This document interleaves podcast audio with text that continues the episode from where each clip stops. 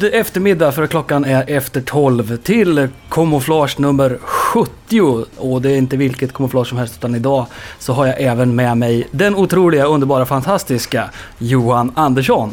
Hallå hallå! Tack Hej. för presentationen. Tack tack.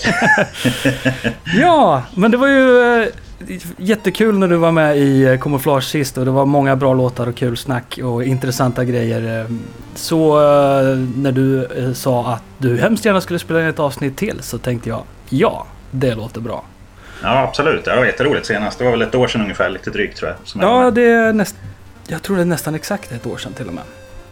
Mm. Eh, och eh, du har samlat ihop en liten låtlista här med riktigt bra låtar som vi Ja. ska lyssna på.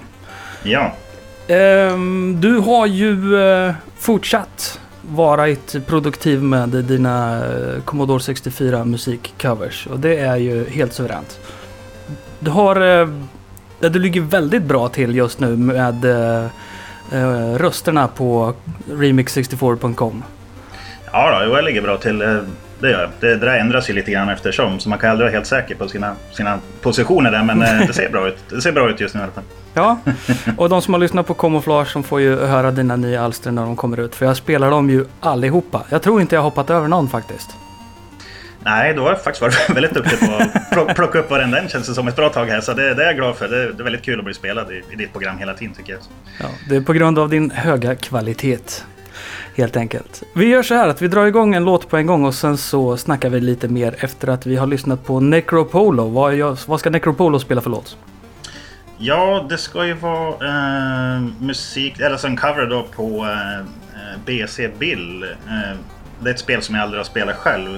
Eh, men eh, jag gillar verkligen den här covern för att det, det tilltalar mig med det är en lite akustisk version, lite bluesig, lite ja, akustisk gitarr som jag gillar helt enkelt. Och han är en skicklig gitarrist, Necropol, och det, det hörs också i den, här, i den här covern tycker jag. Absolut.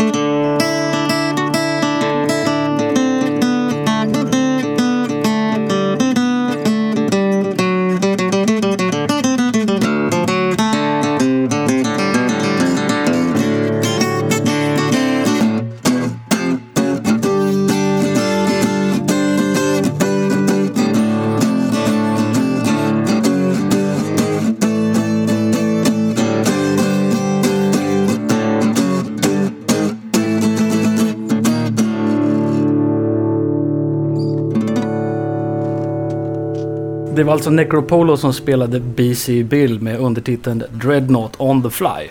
Och eh, ja, det, är ju, det låter som han eh, sitter där och lirar eh, akustisk gitarr bara. Du sa som att det låter som en enda tagning bara. Ja, det, det låter så faktiskt. Det låter som en live-tagning med en enda gitarr. Och, ja, det hörs att den är riktigt duktig på det han gör. Och han brukar gästspela ibland på andras remixer också har jag hört. Så att, eh, Ja, just det. Och han är även med i eh, ett Sid Tribute-band också som heter eh, Sid Rip Alliance. Så de är ju från Ungern de här grabbarna. Så att, eh, så att eh, de är rätt flitiga vet jag. Uh, BC Bill är ett spel som jag... eh, jag tror inte att jag har spelat det. Jag tittar på några bilder här och så jag känner inte igen det alls. Jag vet inte om jag blandar ihop det med... vad- nej, vad hette den där tecknade serien? Den heter bara BC va?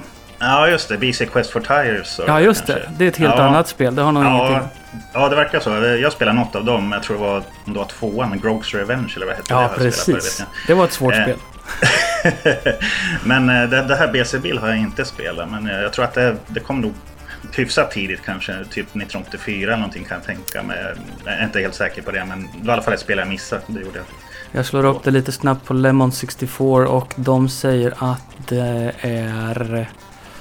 Ja, det står inte när det släpptes men det är Fred Gray som har gjort musiken faktiskt. Ja, just det. Jag tror inte jag känner till originallåten men eh, det är inte alltid så viktigt. 1984 släpptes spelet av Imagine. Ja, Till 64 Spectrum, TRS-80, Dragon 32 och BBC Micro. Det var lite Ja. på den tiden då man inte riktigt visste. Alla datorer var ungefär lika. Hade lika stor potential. Så då kunde man ge ut spel på sådana som eh, TRS-80 till exempel. ja. Ehm, eh, Necropolar brukar ju lämna kommentarer ibland på mina covers också. Eh, Mm. Och eh, någon gång nyligen här nu som man undrar om eh, om jag kanske skulle starta ett Sid Tribute-band jag också. För han tyckte att instrumenteringen på mina covers skulle lämpa sig bra att köras live på scen. Och det är mycket möjligt i och med att det är mycket gitarr och sådär. Ja, det vi pratade om tidigare att jag tycker att du ska försöka plocka ihop något live. Ja, det, jag har ju sådana tankar ibland. Det skulle vara kul, helt, helt klart. Det gäller väl att, att hitta likasinnade musiker i närområdet. Det är väl det som är det svåra skulle jag tro. Mm. Hitta fler som är inne på gamla dataspelscovers. Ja, absolut. Eh, och du får väl sätta ut en eh, annons i tidningen, håller på att säga. ja, ja. Ja, nej men eh, om det vart en liten spelning med Johan Anderssons band och då tror jag definitivt att jag skulle behöva åka, köpa mig en tågbiljett helt enkelt. ja, det låter bra. Annars får vi köra som jag gjorde med senaste, min senaste Delta-cover där. Får vi köra, ja... Fake-publik. akustisk och- nästan lite trubadurversion. Ja, det var, det var faktiskt... eh, det var så skönt i hela det här publikpratet och det här... Ja, thank you och alltihopa till, typ, tillbaks till publiken. Det kändes Ja, verkligen som det var en ja. liveinspelning. Ja, det kändes lite, ja, det kändes lite som en kul idé samtidigt som det kanske var lite cheesy på något vis. Men eh, jag tyckte, jag tyckte ändå resultatet blev ganska kul. Så att, och det lät ju, ja, det skulle låta som att marken var där och publiken var där. Så att, Ja, absolut. ja. Eftersom jag pratade med eh, Anders Hesselbom där också att om man nu skulle råka fastna på någon sunkig krog eller någonting där det sitter en trubadur och börjar lira låtar och då får han hemskt gärna gå över på Delta istället för Sweet Home Alabama. Ja, precis. Men inte lika uttjatade kanske, C64-låtarna på det viset. Nej, inte i de kretsarna i alla fall. Nej. I våra kretsar så finns det ju en hel del låtar som kan kännas ganska uttjatade. Eh, Last Ninja till exempel är väldigt mycket på tapeten just nu. Men vi ska Ja. lyssna på Last Ninja i alla fall. Ja, precis. Eh, Man får inte nog ändå, så att säga, av dem kanske. Nej, absolut inte. Ja, du har ju hört... Um, ja, du vet ju, känner ju till um, Fast Loaders. Ja, absolut. Eh, så visar det sig att samtidigt, helt oberoende av dem, helt ovetandes om Fast Loaders, har ett australienskt rockband förberett en konsert med hela Last Ninja från början till slut. Oj. Jaha. Eh, så när de gick ut med det liksom på internet och la ut sitt event och alltihopa så spreds det över hit till Europa. Och alla bara wow, ni också! Och de bara vadå? så att eh, efter de har haft den här konserten som de ska ha, åh jag kommer inte ihåg exakt när den är, det är väldigt snart i alla fall. Så ska de spela in eh, alltihopa i studio också och, eh, och ge ut. Eh, de, de, hette ju någonting roligt också. Ehm, här fick jag fram vad de hette. Satans Cheerleaders. Eh, Okej. Ja, och den 23 juli, alltså nu alldeles eh, på lördag, ska de alltså då uppträda i Adelaide i Australien. Och efter Okej. det ska de alltså då spela in sig i studion när de gör The Last Mm. Ninja, den första Last Ninja. Okej. Och det ska bli väldigt intressant att höra hur de låter eh, och jämföra mot, eh, inte bara Fastloaders utan alla all, såna här rem- remixar och covers som finns runt om i, i remixvärlden. Ja, de hade jag inte hört talas om. Eh, Det var ett väldigt udda namn, så de, det borde man nog ha kommit in om man hade hört. Ja, precis. Nej, men de hade ingen aning om den här liksom scenen eller någonting. Utan de tänkte att ja, men Commodore 64-musik, det är det ju ingen som lyssnar på längre. Eh, I Australien kanske då. Men inte här i Europa och Mm. eh, kanske inte så mycket i USA. Jag vet faktiskt inte hur stort det där SID- SID-musiken är i USA nu. Det verkar inte som man hör så mycket därifrån. Nej, inte lika mycket. Jag tror Europa är, verkar absolut störst. Eh, verkar vara stort intresse i många olika länder faktiskt, lär man ju säga. Mm. Eh, till exempel Ungern, eh, som jag sa där med Necropol och de där. Eh, där kör de också podcast vet jag. Så där. Jag har blivit spelad i någon ungersk podcast, eh, tror jag förra året eller någonting. Fick eh, sån där på Soundcloud. Eh, Ah, Okej.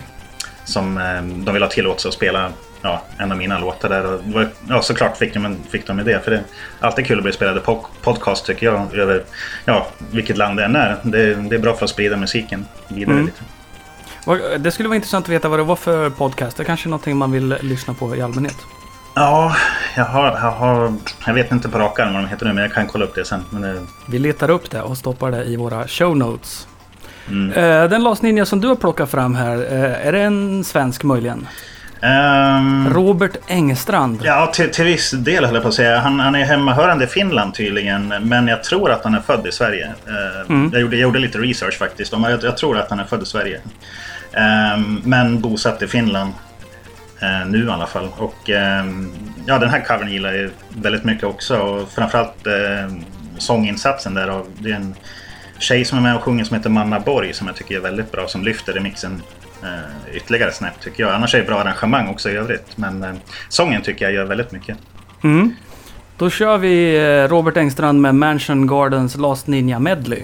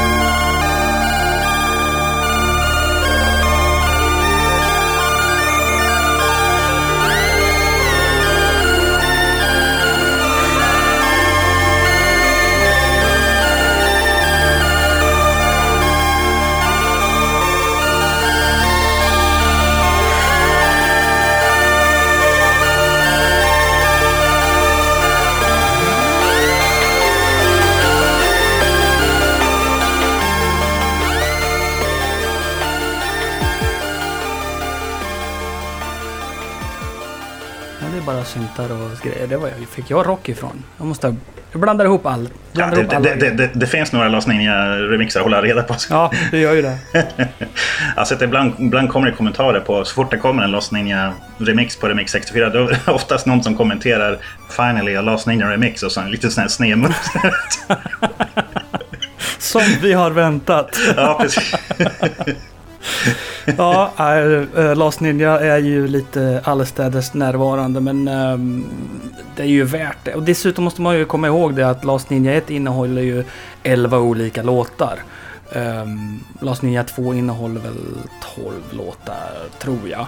Mm. Så att uh, det är ju rätt mycket att ta av. Och sen är det ju otroligt bra musik så det är inte så konstigt att folk väljer att... Nej. och Titeln, titeln på den här covern är faktiskt lite missledande för att eh, originallåtarna är ju från Lost Ninja 2 faktiskt. Så att, mm, även fast inte Ah. tvåan, tvåan nämns inte i titeln. Men, ehm, så att det är ju två av Matt Grays originallåtar som medlet är gjord på. Eh, Det är jag rätt så säker på i alla fall. Mm.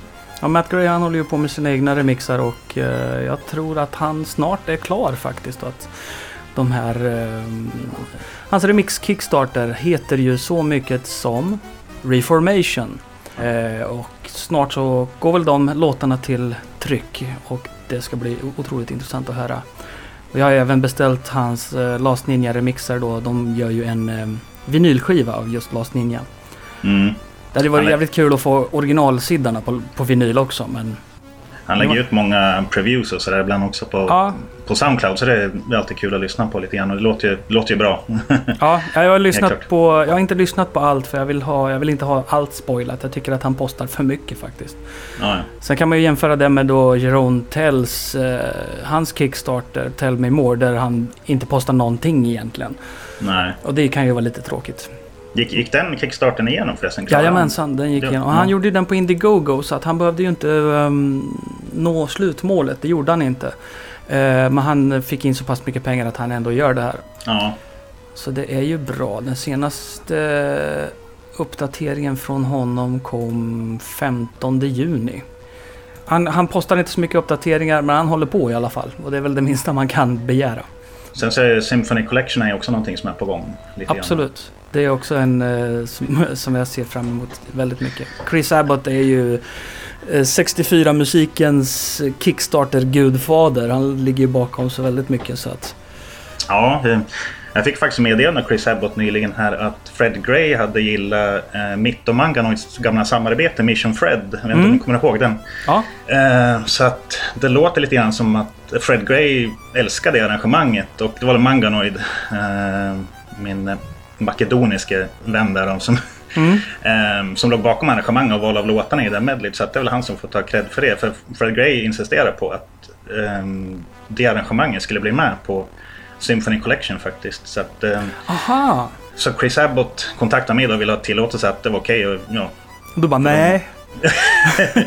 Så jag jag har såklart sagt ja, men jag har inte fått tag på Manganoid än. Jag tänkte jag lär även få hans eh, klartecken. Men han kanske är på semester eller någonting. Det var någon vecka sedan jag fick reda på det här. Okej, ja men det är ju, det är ju faktiskt skitkul. Eh, för det, det, dels är ju redan den här Mission Grey, vad heter den? Mission, Mission Fred. Mission Fred, ja. Mm. Eh, en otroligt bra låt som ni har satt ihop. Och sen att de då vill använda just det medlet är eh, bara ett bevis för hur pass otroligt duktiga ni är. Ja, ja, det låter Ah. bra. Eh, jo, sen, får- sen får vi se om eh, mina gitarrer får någon, får någon plats i det där. Men Chris Abbott sa någonting att det eventuellt kanske kan bli en bonusversion där jag i så fall spelar gitarr till den nya orkestreringen. Men det är ingenting som är klart än, så det är ingenting jag kan lova eller hoppas allt för mycket på. Men det, det skulle vara skitkul såklart om det, om det blir så. Det låter ju toppen. Jag har pratat en del med Chris Abbott. Han är eh, en väldigt eh, sympatisk person. Han arbetar ju jävligt hårt med de här kickstarterna och han gjorde med Back in Time Kickstarter förut och konserterna. Och han är inblandad i eh, Fastloaders Last Ninja-konserterna och alltihopa. Han är spindeln i nätet. Ja, verkligen. Han verkar, verkar göra ett riktigt hårt jobb, det lär jag säga. Mm. Mm. Nästa låt som du har valt är en version av Delta. Ja, precis.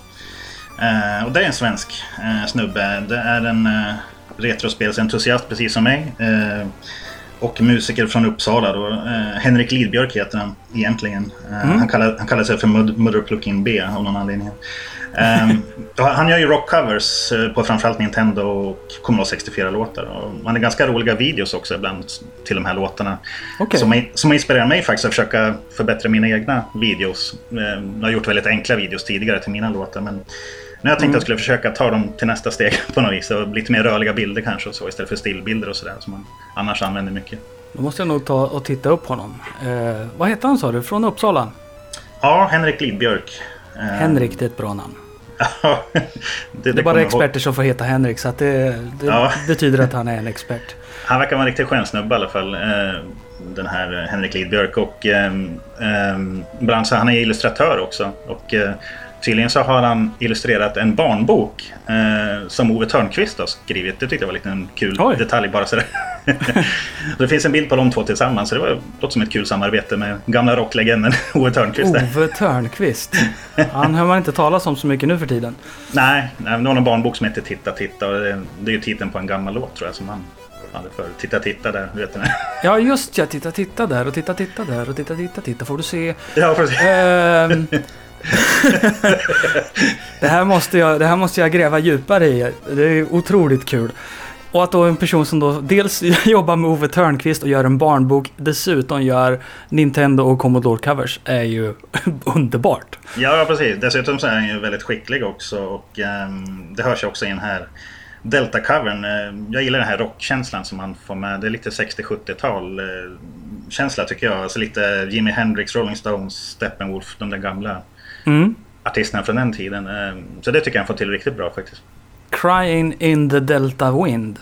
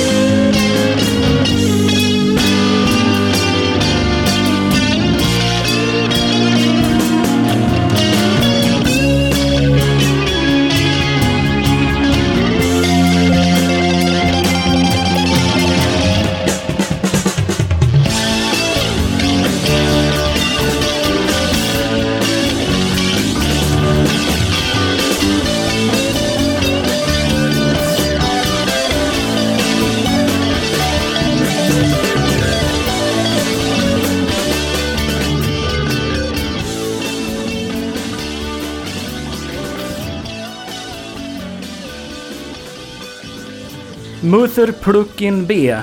Alltså Henrik från Uppsala som hade gjort Delta. Eh, hur, hur länge sedan var det han spelade in den här månntro? Tror den kom, kan det vara förra året kanske? 2014 står det. Ja, 2014. Mm. Mm, han, men han, gör, han har gjort mera. Han har gjort lite, lite jag kommer ihåg 64-låtar han har gjort lite längre, längre tillbaka också. Några till tror jag. Sanction bland annat har jag sett. Jag har inte lyssnat så noga på de andra allihopa. Men eh, Sanction vet jag i alla fall att han har gjort. Eh, sen han har gjort mycket Nintendo-låtar. Han, han, han är sådär att han hellre släpper album tydligen. Av sina låtar. Så han väntar ett par år och så, sen kommer 13-14 stycken på en gång. Liksom. Okej. På eh, Remix 64 så har han bara fyra stycken låtar ligger varav eh, tre är från 2009. Så han har inte varit aktiv på, ehm, på den scenen. Och om man då går hem till hans hemsida så webbplatsen kan inte nås. Nähä. Så då säger vi så här till Henrik Lidbjörk att eh, kom igen nu. Fixa det här. Eh, lägg ut låtarna. Berätta Mm. mera. Visa, Mm. visa, spela, spela. Mm, ja, jag var in på hans hemsida ganska nyligen och då, då funkar det bra i alla fall. Och där finns ju alla album och, och låtarna kan man lyssna på så här också. Okej, ja då kanske det är bara något tillfälligt hicka när jag försöker gå in här. Ja, jag vet att han även körde en Kickstarter för också faktiskt. Han tänkte ja, samla ihop lite pengar så han kunde trycka vinylskivor av något album eh, som man hade på gång. Och det var inte allt för länge sedan tror jag som han, som han gjorde det. Så det var också en liten kul grej. Men jag tror inte han fick igenom all, alla pengar han ville ha. Men, Hmm. Ja, det låter ju, det låter tråkigt. Men det, hade jag vetat. Hade jag vetat. ja, ja. Ja, som sagt var, du får höra av dig till Camouflage så, så ska vi ta och pimpa dig på hemsidan och på Facebooken här. Så ska vi nog se att, att du får lite mera eh, uppmärksamhet som sig bör. Mm. Eh, vi ska glida tillbaka till den gamla goda eh, originalmusiken, SID-musiken. Du har valt eh, Ocean Loader 4 av Jonathan Dunn. Ja, precis. Eh, Det är en sid som jag faktiskt upptäckte lite på senare tid här. Eh, När jag laddade in någon av mina Ebay-inköpta kassetter. Och eh, brukar köpa lite så gamla kassetter till de här retrospelseventen som jag och brorsan arrangerar. Mm. Eh, Och då hör jag till på vad det var för laddningslåt. För jag kände inte igen den faktiskt. Och jag gillar den på en gång också. Eh, Att jag missade den på 80-talet det tror jag gör med att den kom ganska sent. 88 tror jag de började använda just den, fyran där. Ja, Och eh, det var ju strax innan jag gick vidare till Atari ST och sådär. Så att, eh, jag tror 88 var nog sista året då på 80-talet som jag verkligen spelade Commodore 64-spel. Och sen så var det inte alltid man körde originalspel heller om man ska vara ärlig. Så att, eh, det vet jag ingenting om.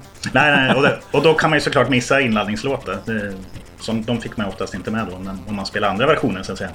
Mm. Enligt eh, High Voltage SID Collection så användes eh, Ocean Loader 4 eh, mellan 88 och 89 på Mm. många spel från Ocean och, och eh, Imagine. Jag... ja, När jag hör den här då tänker jag Operation Wolf av någon anledning. Ja, Men... Eh, det kanske, det kanske kommer i svängarna. Jag vet inte, Jonathan Dunn gjorde i alla fall musiken även till Operation Wolf så möjligt kan det vara att, eh, att den här loaden användes till Operation Wolf. Eh, Det är ett av de få spel som jag hade... mm, Det var en demoversion av Operation Wolf som var på ett, en omslagskassett på Commodore User. Ja, Och eh, då fick man ju loader-musiken också, så vilket man som sagt var oftast inte fick på de här eh, piratkopierade kassetterna och alltihopa som man, som, man kanske hade. Mm. nej, nej, det kom väl totalt fem, fem Ocean Loaders har jag sett någonstans. Och den första Så vitt jag vet ja. Ja, precis. De, de första två var ju Martin Galways och sen trean var Peter Clark har jag läst. Eh, Ja, fyran och femman är Jonathan Dunn. Femman Pre- användes mellan 88 och 91 står det här. Och Ja, är egentligen bara en remix av fyra. Men de är väl en... De är väl ganska lika allihopa, är de inte det? Ja, fyran låter i alla fall lite annorlunda mot de tre tidigare. Trean med Peter Clark, den låter ganska lik de två första i början i alla fall. Men sen ändrar den lite grann. Den ändrar lite karaktär. Men de två första är ju väldigt lika varandra. Jag tror tvåan är bara en om, omarbetning, ombearbetning av Martin Galway. Den saktar ner ettan lite tror jag. Så tvåan är något saktare än Ocean Loader 1. Mm. Men tvåan är ju bäst. Det var- Tvåan är, tvåan är väl den mest kända om inte annat. Ja, det är där vi, har, vi har kommit fram till det flera gånger på, på Camouflage-programmen att eh, Ocean Loader 2 är bäst. Ja, den är riktigt bra. Det, men jag tycker även fyran är bra faktiskt. Så därför Ja. valde den också. Otroligt bra. Så därför tar vi och lyssnar på Jonathan Dunns Ocean Loader nummer 4.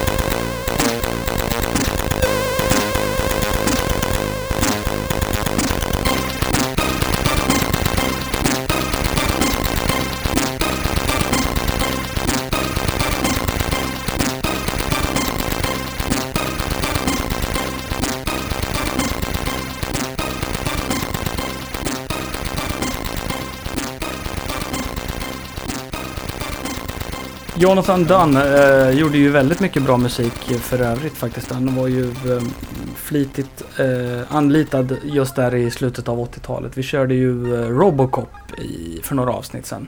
Mm, Platoon är väl lite känt också. Ja, riktigt, riktigt bra. Och Platoon har ju även många väldigt bra eh, covers och remixar. Uh, Slaygon gjorde ju till exempel en uh, suverän här om året som uh, vann den Remix of the Year kanske till och med. Eh, ja, den vann nog eh, precis. Eh, den vann nog Commodore 64 Remix of the Year tror jag. Ja. Bäst, bästa C64-remixen tror jag den vann. Ja, den, den är ju riktigt bra. Mm. Och sen även eh, Westerling som du har spelat tidigare. Jag vet han också har gjort ett par Platoon-låtar som också är rätt bra. Westerling borde återkomma och göra många flera remixar. Han, jag gjorde, tycker, han gjorde ju Game Over som är en av de bästa remixarna som jag vet faktiskt. ja, jag älskar den här Love the West men det är för att det är ett gammalt favoritspel till mig också. Eh, Hans Miss Rose där som... Den hade jag... Den, hade var- du med i, Den hade jag med förra gången, ja. Ja. Och den, den älskar jag verkligen. En annan uh, Sid-kung är ju Martin Galway. Och Precis. du har eh, valt en av hans... Ja, det är svårt att säga vilken som är hans mest kända egentligen. Ja, det är det. Men eh, han är nog min... Ska jag välja en favorit, en eh, sidkung så att säga, då, är- då är det han faktiskt. För min del i alla fall. Eh, även om Rob Hubbard ligger också bra till såklart och Ben Daglish och några till. Men Martin Galloway är nog den som ligger överst för mig. Eh, Ja, det, jo- det är omöjligt att säga att han inte är en av de topp tre. Ja precis. Det, för, absolut, absolut. För mig Man säger. Martin Galway och sen är det Rob Hubbard och sen så får man välja själv vilken den tredje. Man kan byta den lite. Ja, ja, ja, precis. Och det finns några där som kan aspirera på den bromsplatsen så att säga. Eh, det här är ju ehm, laddningsmusiken, är det inte det?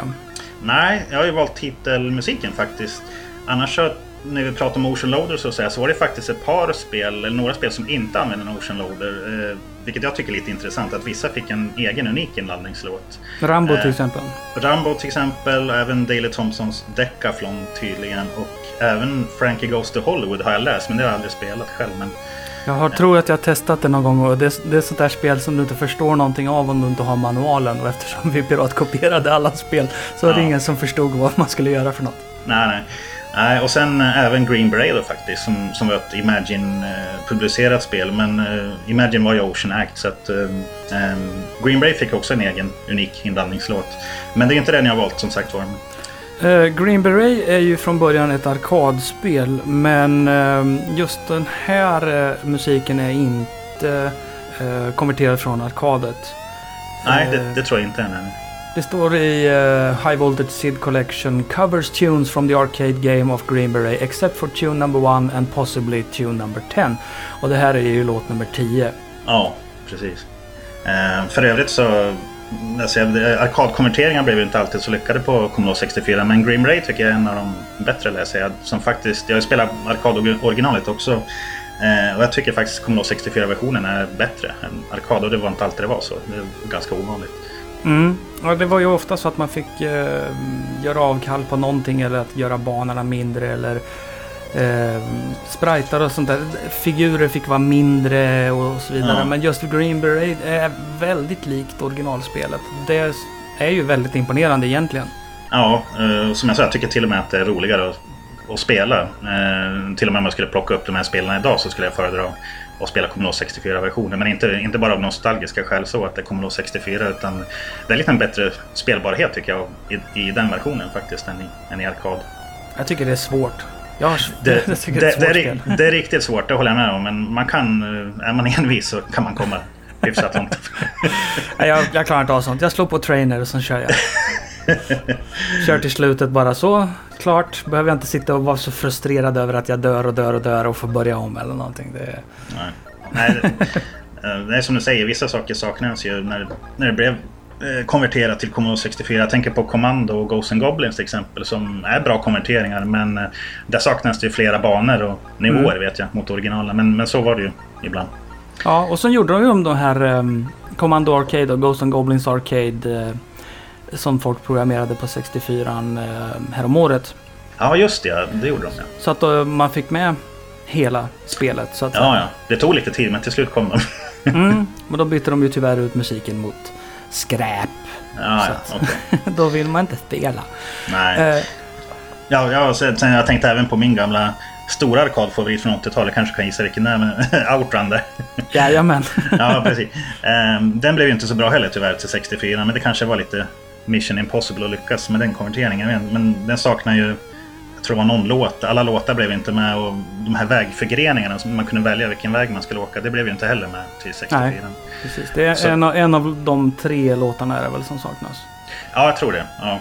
Men eh, Outrun eh, vart ju väldigt lyckat på 64 för övrigt. Och jag tror inte ens att på den tiden så tänkte jag ju inte ens på att man inte fick välja vilken eh, rutt man ville ta och så vidare. Nej, Och det är väl egentligen inte viktigt för spelet i sig, är det det? Ehm, det, det, det hör ju lite grann till den här ja, lilla friheten man tyckte att det var med det spelet. Att man skulle ut och blåsa där bara på, på vägarna med sin eh, flickvän bredvid. Och så där. Det var här lite relaxed så. så att, man Mm. kunde, att man kunde välja väg. Det var, det var en liten krydda tycker jag. Att det var lite kul. Liksom, för då, då fick man ju... Jag tror något, det skulle vara något lättare till vänster, kommer jag ihåg. Och skulle det vara, om man vill ha lite mer utmaning skulle man ta höger. Så, så brukar det vara med Outrun i alla fall. Ja, okej. Ja, det Ja. hade jag ingen aning om faktiskt. Nej, Nej men jag, jag, jag gillar ju Outrun väldigt. Så det är därför jag känner till de här detaljerna. Den här Green Beret spelade jag ju för bara ett par avsnitt sen, men det bryr vi oss inte om när det är så väldigt bra musik. Så då kör vi bara en gång till.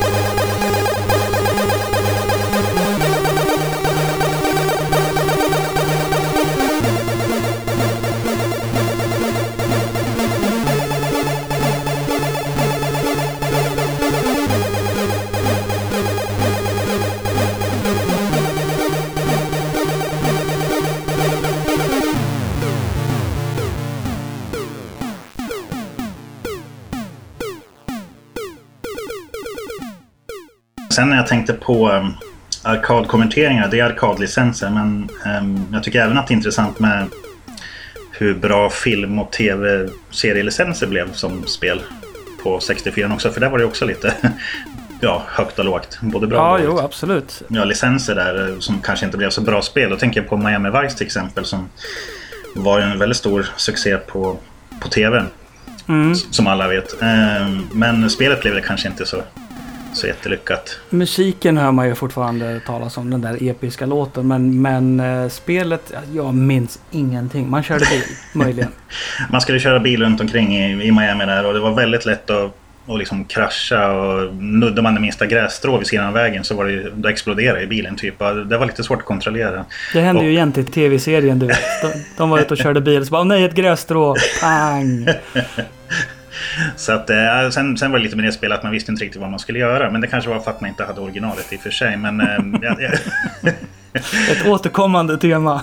ja, och sen, och sen, tänker jag även på, um, jag vet inte om du kommer ihåg den här gamla tv-serien V. Om mm. de här ödlorna som invaderar jorden. Absolut. um, också sånt där uh, spel där man, ja jag gillar tv-serien och sådär. Det var ju väldigt många som kollade på den då. Men spelet blev väl kanske inte heller så lyckat där tycker jag. och samma jag sak där, att det, det, var väldigt, det var väldigt svårt att komma någon vart i spel. Och, man sprang mest runt och gillade runt i korridorer och sköt robotar och, och sådär. Det jag minns mest av uh, spelet i 64, V-spelet i 64 var ju att det var på omslaget av det första numret av Datormagasin. Ja, ah, just det. Det stämmer. Ja. Ja. Och det är väl uh, den största claim to fame som det här spelet har för att jag tror inte någon gillade det här spelet överhuvudtaget. Nej, precis. Man, man såg inte till någon av ödlorna liksom, från tv-serien eller någonting utan det var bara robotar. Jag tror inte som, jag tror inte ens det fanns robotar i tv-serien heller. Det, det känns som det hörde inte hemma riktigt där. Och massa knepiga koder, dörrkoder man skulle försöka få upp. Och, ja, det, det kan ju säkerligen vara så att man hade ett visst spel och sen så satte man bara ett känt namn på det. Det har ju hänt förr. Ja. Och det kan ju hända med filmer och sånt också. Att man har ett visst manus. Och sen mm. så säger de att vi behöver en tvåa på den här filmen. Lägg in de här karaktärerna så blir det en tvåa som är helt separat från det andra. Mm. Och det händer, ju, det händer ju hela tiden. Så det är ju inte omöjligt att det var att V från början var någonting helt annat. Precis. Men eh, när det gäller filmer så kom det några bra riktigt bra spel tycker jag ändå. Så ni, ni pratade om Ghostbusters, eh, du och mm. Anders där förra avsnittet. Det tycker jag är väl en eh, av de bättre i alla fall. Eh, ja, det, spel. det var ju i alla fall relevant för själva eh, filmen, Ghostbusters-spelet. Men eh, jag lyssnade ju på en, en, podcast om just Ghostbusters och där visade det sig att det var exakt just det som jag just berättade. Det var ett helt annat spel som var halvfärdigt och sen sa de ja, det. det här lägger vi Ghostbusters på. Ja, just det. Jag tror eh, David Crane där från Activision, eh, han hade nog den här, det är en liten sekvens där man åker bil mellan Mm. mellan, mellan hus. Och jag tror han hade det som ett litet spel först. Där bara när man kör, åker bil tror jag någonting har jag för mig hört talas om. Och sen så ja, fortsatte man bygga på det på något vis. Så blev det Ghostbusters av det hela. Ja, men det är, mm. det är okej om det funkar. Det är det ju. ja, absolut. Ja, nej, men så var det lite rolig, tal, lite rolig talsyntes i det spelet också som ni också pratade om. Där, och mm. His line med och det där. ja, men det, alltså, det var ju de grejerna som gjorde att man kom ihåg spelet sen. Ja, absolut. För när man som sagt var spelade spelet och inte hade någon, någon manual och det gick ju relativt lätt att gissa sig till ungefär vad man skulle göra i spelet och så. Men det man kom ihåg var ju det där Histline med och mm. de här figurerna från filmen som man tyckte var så bra. Ja. Så det, på det sättet så funkade det ju väldigt bra som en licens. Ja. Sen eh, fanns det ett textäventyr också till Gremlins. Eh, det mm. tyckte jag det var ganska atmosfäriskt och, och trevligt på något vis. Tyckte jag ja, det var ju bättre än actionspelet. Det var ju två spel. Ja, precis. Ja, stämmer. Eh, ja, jag tycker textäventyr också är klart bättre. Det var lite kul när man skulle skriva de här kommandona. Liksom, var det take sword och man skulle ta något svärd från väggen och sen kill gremlin. Och, ja. ja. Där har du också ett exempel på eh, en otroligt bra film som kan göra att ett spel blir... Du kan ju, du kan ju ta spelet och så byter du ut monstren mot någonting annat och alltihopa. Så har du inte den här ja. eh, licensen, den känslan som mm. folk tar med sig från filmen. Mm. Då skulle samma spel inte bli lika lyckat. Nej, nej precis. Det är klart, det, det kända licensnamnet säljer ju bara det så att säga. Så att... Mm. Och det är inte alltid det borgar för kvalitet på spelet heller, men eh, ibland blir det ju bra ändå så att säga. Ja, precis. Mm. Eh, och sen så har vi även Rambo som, som, som sagt var, det är en, eh, en av mina gamla mm. favoriter. Det spelet gillar jag ju verkligen. Ja, ja det, det, var ju... Mm, jag fick ju det på originalkassett med eh, datorn när vi köpte datorn. Så just Rambo har jag spelat jättemycket och mm. eh, hade inga problem att varva där till slut i alla fall. Nej, nej. Fast... Eh, de första det... gångerna jag varvade så använde jag ju ett fusk som finns inbyggt i spelet. Ja, just det. Jag tror jag vet vad du menar. mm, man ska flyga med helikoptern där på slutet. Och har mm. du då två joysticks instoppade, drar den ena uppåt och den andra neråt. så speedar helikoptern bara swish så här förbi. Mm. Men eh, senare lärde jag mig att klara spelet ändå med, eh, på rätt sätt. Ja, det är lite lustigt med det spelet. För, det, för eh, spelar man det från start till slut så att säga. Alltså om man varvar en gång, då, det tar inte många minuter. Alltså det är ganska kort spel egentligen. Men mm. det är ändå så pass lagom svårt så att det är liksom inte säkert att man klarar det ändå. Utan eh, jag tycker det är en ganska bra svårighetsgrad på det viset. Att eh, det går att klara men man lär träna lite för att, för att göra det så att säga. Samtidigt som det är inte är omöjligt liksom. Man kan säkert göra en sån här speedrun på det spelet på två, tre minuter som sagt det, det är ju inte långt egentligen. Om man Nej. vet exakt vad man ska göra. Men sen är det ju lite open world också så du kan ju spendera väldigt mycket tid med att gå runt och skjuta ner träd och grejer. Ja absolut, precis. Och lika byggnader inne i det där lägret och så också. Um, på, det vis, på det viset tycker jag att uh, Rambo är lite intressantare än till exempel Kommando där det känns mer liksom, ja, strömlinjeformat eller vad säger man? Uh, mm. Där kan man inte gå och utforska direkt utan det går ju bara rakt upp så att säga. Ja precis. Mm. Sen mellantinget mellan Commando och Rambo det var väl den där Ikari Warriors. Som... Ja, det. Ja. det var ju klassiskt. Eh, I, um, på arkadspelet så var ju joystickarna sådana här som man kunde vrida på. Ja. Så du styr ju då en åttavägsstyrning åt vilket håll gubben ska gå. Sen så roterar du joysticken uh, för, att, um, för att han ska skjuta åt olika håll. Okej. Okay. Sen på dator så blir det ju som du vet helt enkelt bara skjuter åt det hållet du står vänd mot. Ja. Man Ikari Warriors och vad var det mer? Victory Road var det ett spel som hette. Ja. De hade samma system det där och jag tyckte den, de kontrollerna var så väldigt svåra på arkad. Undrar om inte Victory Road var en uppföljare kanske? Rent utav till Ikari Warriors. Jag vet inte. Det, det är kanske sant. Kan, kan, kan vara. Kan vara. Kan vara, kan vara. Eh, men, men det, det, kom ju ganska många liksom, kloner på de här. Alltså kommandostuket också. Jag tänker på Who Dares Wins 1 och 2 mm. var också två sen som väldigt lik kommando. Ja. Och sen var det väl Kommando fick ju inte... Mm, det var väl censurerat i Tyskland. För det var så våldsamt så då bytte de namn till Space någonting. Spaceman, Space Mission, Space Attack eller något. Okay. Och så var det liksom då en, en, rymd, en gubbe i en rymddräkt och robotar och sådär som sköt istället. Så då, det blir inte lika våldsamt. Det är Nej. som de gjorde med Mortal Kombat. Det var ju för blodigt så då gjorde de blodet så blått eller grönt eller någonting och då ja, var det okej. Okay. Ja, just det. Ja. ja, det känner man till den här censuren. Det, det gör de även på ja, nyare spel också. Jag tänker på Ninja Gaiden är en spelserie där, där är väldigt mycket det med censuren. Och som du säger, kan de färga blodet annorlunda och så, så det blir blått eller lila eller någonting. Så, mm. Då ska, det är mer okej, okay, typ. Ja. Nej, tyskarna, tyskarna är... Det är mycket med filmcensur och sånt i Tyskland också. Man ger ofta ut filmerna i två versioner. En som liksom är eh, klippt och får säljas i vanliga affärer och en som då är eh, oklippt men bara får säljas från licensierade försäljare. Jag vet inte exakt hur det funkar men det är väldigt skumt och man tänker att Tyskland borde ligga lite mera i modern tid. Men det, ja. de ligger eh, väl kvar och, och eh, har ångest över sina gamla nazistfasoner. det sätter väl sina spår. Mm. Eh, vi kan lyssna på lite mer musik. Du har valt eh, Sanction av Dax. Och, eh, ja. Jag vet inte om han har släppt så mycket på sistone.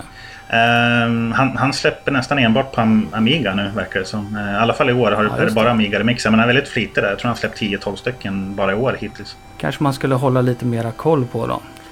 Uh, han har släppt Amiga-remixar uteslutande sedan eh, december 2014. Och det sista han släppte var Golden Axe i... Du, det är exakt två år sedan idag. 20 juli. Som han släppte Golden Axe från Jaha. C64. Ja, ja. ja. Så, eh, men det senaste han gjorde var Human Target på Amigan. Uh, släppte han för två veckor sedan tillsammans med Pinball Dreams också. Det är en klassiker. Mm, absolut. Det är en av mina favoriter från Amiga-tiden. Länge sedan. Pinball Dreams och Fantasies där. Uh, eh, svenskutvecklade spel också. Då får jag absolut ta och titta lite närmare på hans Amiga-remixer. Um, jag har gjort en Amiga-remix faktiskt tidigare. Men um, jag tycker det är roligare med 64-remixer. Men um, det kan väl hända att man kanske snubblar in på en Amiga-låt uh, framöver också. Men, uh, ja visst, en, en bra låt är en bra låt. Precis. Då tar vi och lyssnar på Dax som spelar Sanction i sin Big Room Remix.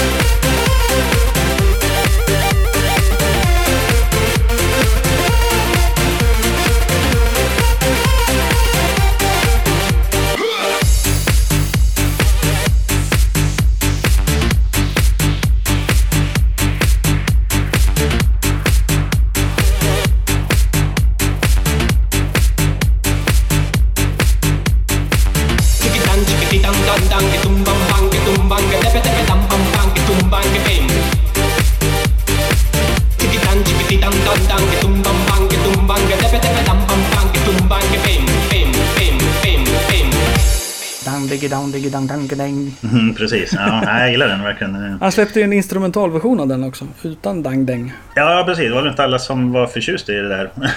Ah, folk det. är så tråkiga. Ja, precis. Men man kan inte, man kan inte göra alla glada liksom. Så, så är det Nej, det kan man inte. Men man kan, man kan försöka. Ja, Och det, det är väl lika bra att han, om han släppte den där instrumentalen så fick han ju mera, mera fans, mera glada smileys. ja det, det är ju så. Det, folk har ju olika smak. Så är det. det är inte alla som gillar eh, gitarrbaserade covers som, som jag gör heller eh, egentligen. Eh, vissa vill kanske ha mer eh, ska man säga, naturtrogna eh, covers från original. Att det ska låta mer som de gamla versionerna. Men, men jag tycker det är kul att göra något annat med dem. Eh, liksom ta dem till något, ta låtarna till något, i något nytt sammanhang. Eh, tycker jag är kul.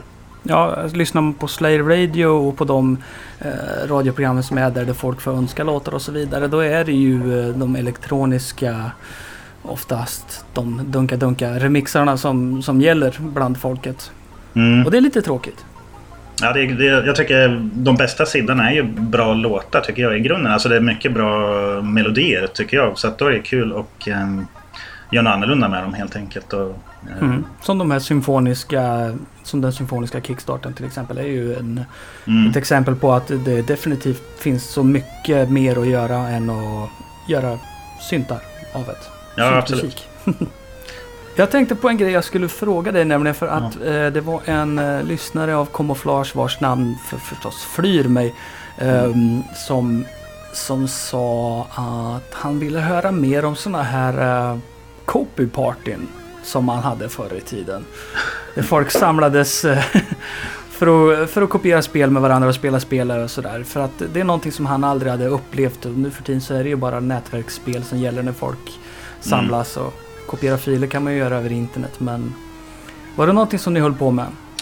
Nej, faktiskt inte. Inte vad jag kommer ihåg. Vi var inte iväg på ett enda sånt där copyparty. Men man hörde ju talas om dem, det gjorde man ju absolut. Men nej, vi var ju ett gäng ändå ehm, som bodde ganska nära varandra. Så vi kopierade ju ja, sinsemellan och sådär. Så det, det var aldrig långt till någon som hade fått några, några nya kopi Nej, okej. kopierade spel så. Men eh, man hörde ju talas om de där copyparterna, absolut. Det gjorde man ju. Ni samlades aldrig liksom hemma hos någon? Alla tog med sig sin dator hem till någon över en helg eller så? Inte vad jag kommer ihåg i alla fall. Utan det var snarare att man eh, kopierade kassetter bara. Kanske tog med sig någon tom, någon tom kassett så, ja, så kopierade man in någon dubbeldäckare eller någonting. Bara. Ja, vi, gjorde det, vi gjorde det ganska ofta faktiskt. Ja, ja. Vi var eh, sådär allt från eh, tre, fyra personer upp till kanske 15-20 som samlades hemma hos någon över en helg. Och alla hade med sig sin dator. Folk kom med sina cyklar med 14 tums tv på pakethållaren, du vet. Sådär. Ja, det låter, det låter ju kul i alla fall. Ja, nej men det var jättekul. Så gick det åt väldigt mycket Coca-Cola och så spelar man spel, kopierar spel, kollar på filmer och sånt där. Det, var, det är sånt där som, man, eh, som jag skulle vilja göra fortfarande. Fast jag är så pass vuxen att jag somnar väl någonstans vid 11 snåret på kvällen. Ja. Ja, vi, det- jag, jag och brorsan kör ju våra retrospelsevent så det är, då, det är då vi träffar lite gamla kompisar och sådär som eh, gillar de här gamla spelen. Eh, det är inte bara Commodore då såklart, det är Nintendo och Sega också sådana grejer. Men eh, det är ju det är väldigt trevligt att träffas så i alla fall med likasinnade gamla polare. Det är inte så ofta man träffas nu för tiden när man har blivit så vuxen som man är nu för tiden. Nej, nej. När körde ni senast då? Eh, ja, det var väl i våras det. Eh, april tror jag, eller något sånt där. Körde sväng. Om- Eller om det var mars kanske. Ehm, vi brukar ju köra en, kanske två gånger om, om året. Kör vi två gånger om året, det blir väl vår och höst i så fall. Så vi får se om det blir något i höst igen här kanske. Ja, då får du väl eh, posta lite om det så skriver jag om det på kamouflage här så kanske det kommer lite fler, lite nytt folk. Man Ja. måste alltid få in lite nytt folk. Ja, om det vore trevligt. Absolut. Ert eget lilla dreamhack där.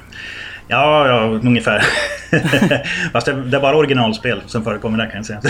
Ja, ja, okej. Vi, vi, Ja. vi, har, vi vill ha den här riktiga retrokänslan när man stoppar i original, liksom, original cartridgen och originalkassetterna och laddar in eh, Commodore 64-spel i 5, 6, 7 minuter innan det är klart. Och det är inte alltid, Ja. det, lycka, det är inte alltid det lyckas heller.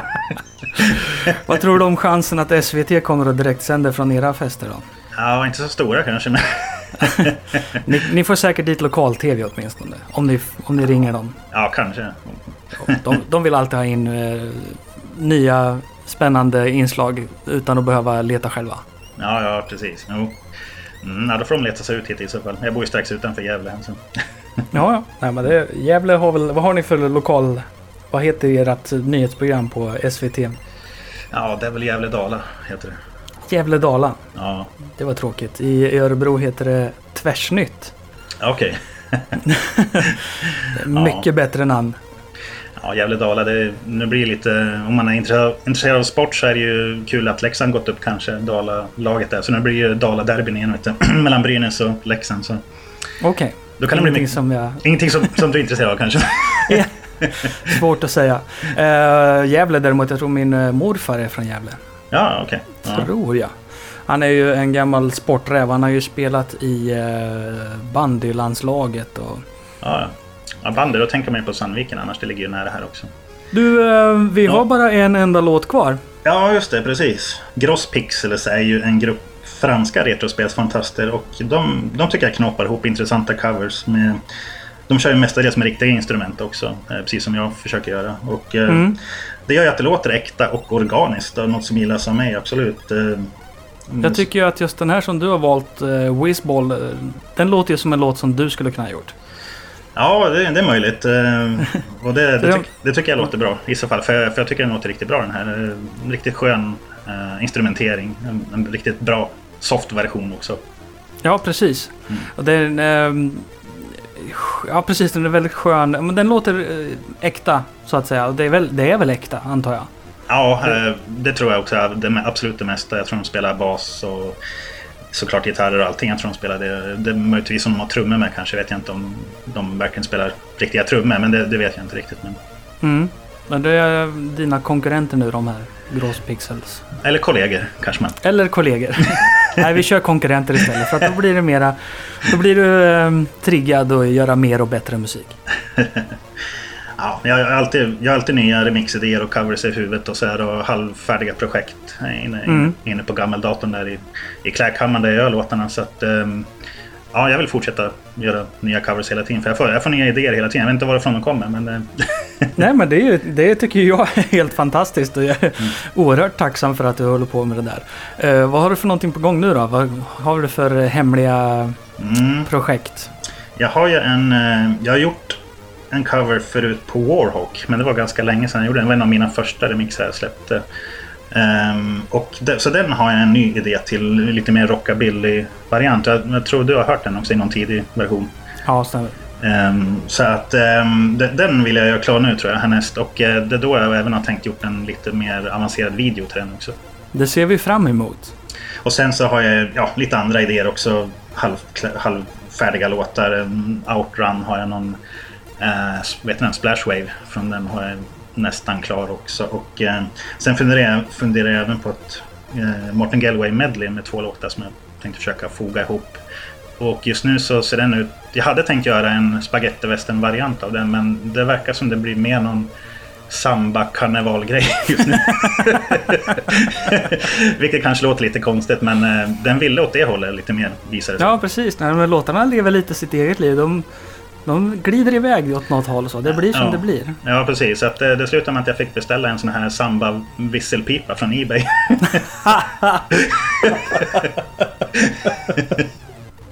Det blev så bara. ja precis, så, Kunde inte rå för det. så nu får man sitta och tuta sen kanske framöver. Det låter helt underbart gör det. Någonting som vi definitivt ser fram emot allihopa. Har du någonting mer på hjärtat idag? Eh, nej jag vet inte, det känns som... eh, Uttömt. ja jag tror det faktiskt. Men du, då vill jag säga så här att jag tackar dig så hemskt mycket för att du eh, har kommit tillbaka till Camouflage och satt ihop den här sköna spellistan med låtar som eh, håller väldigt hög och varierad kvalitet. ja tack själv, det var riktigt kul att vara med igen. Eh, absolut. Då ta, syns vi igen om ett år. ja precis.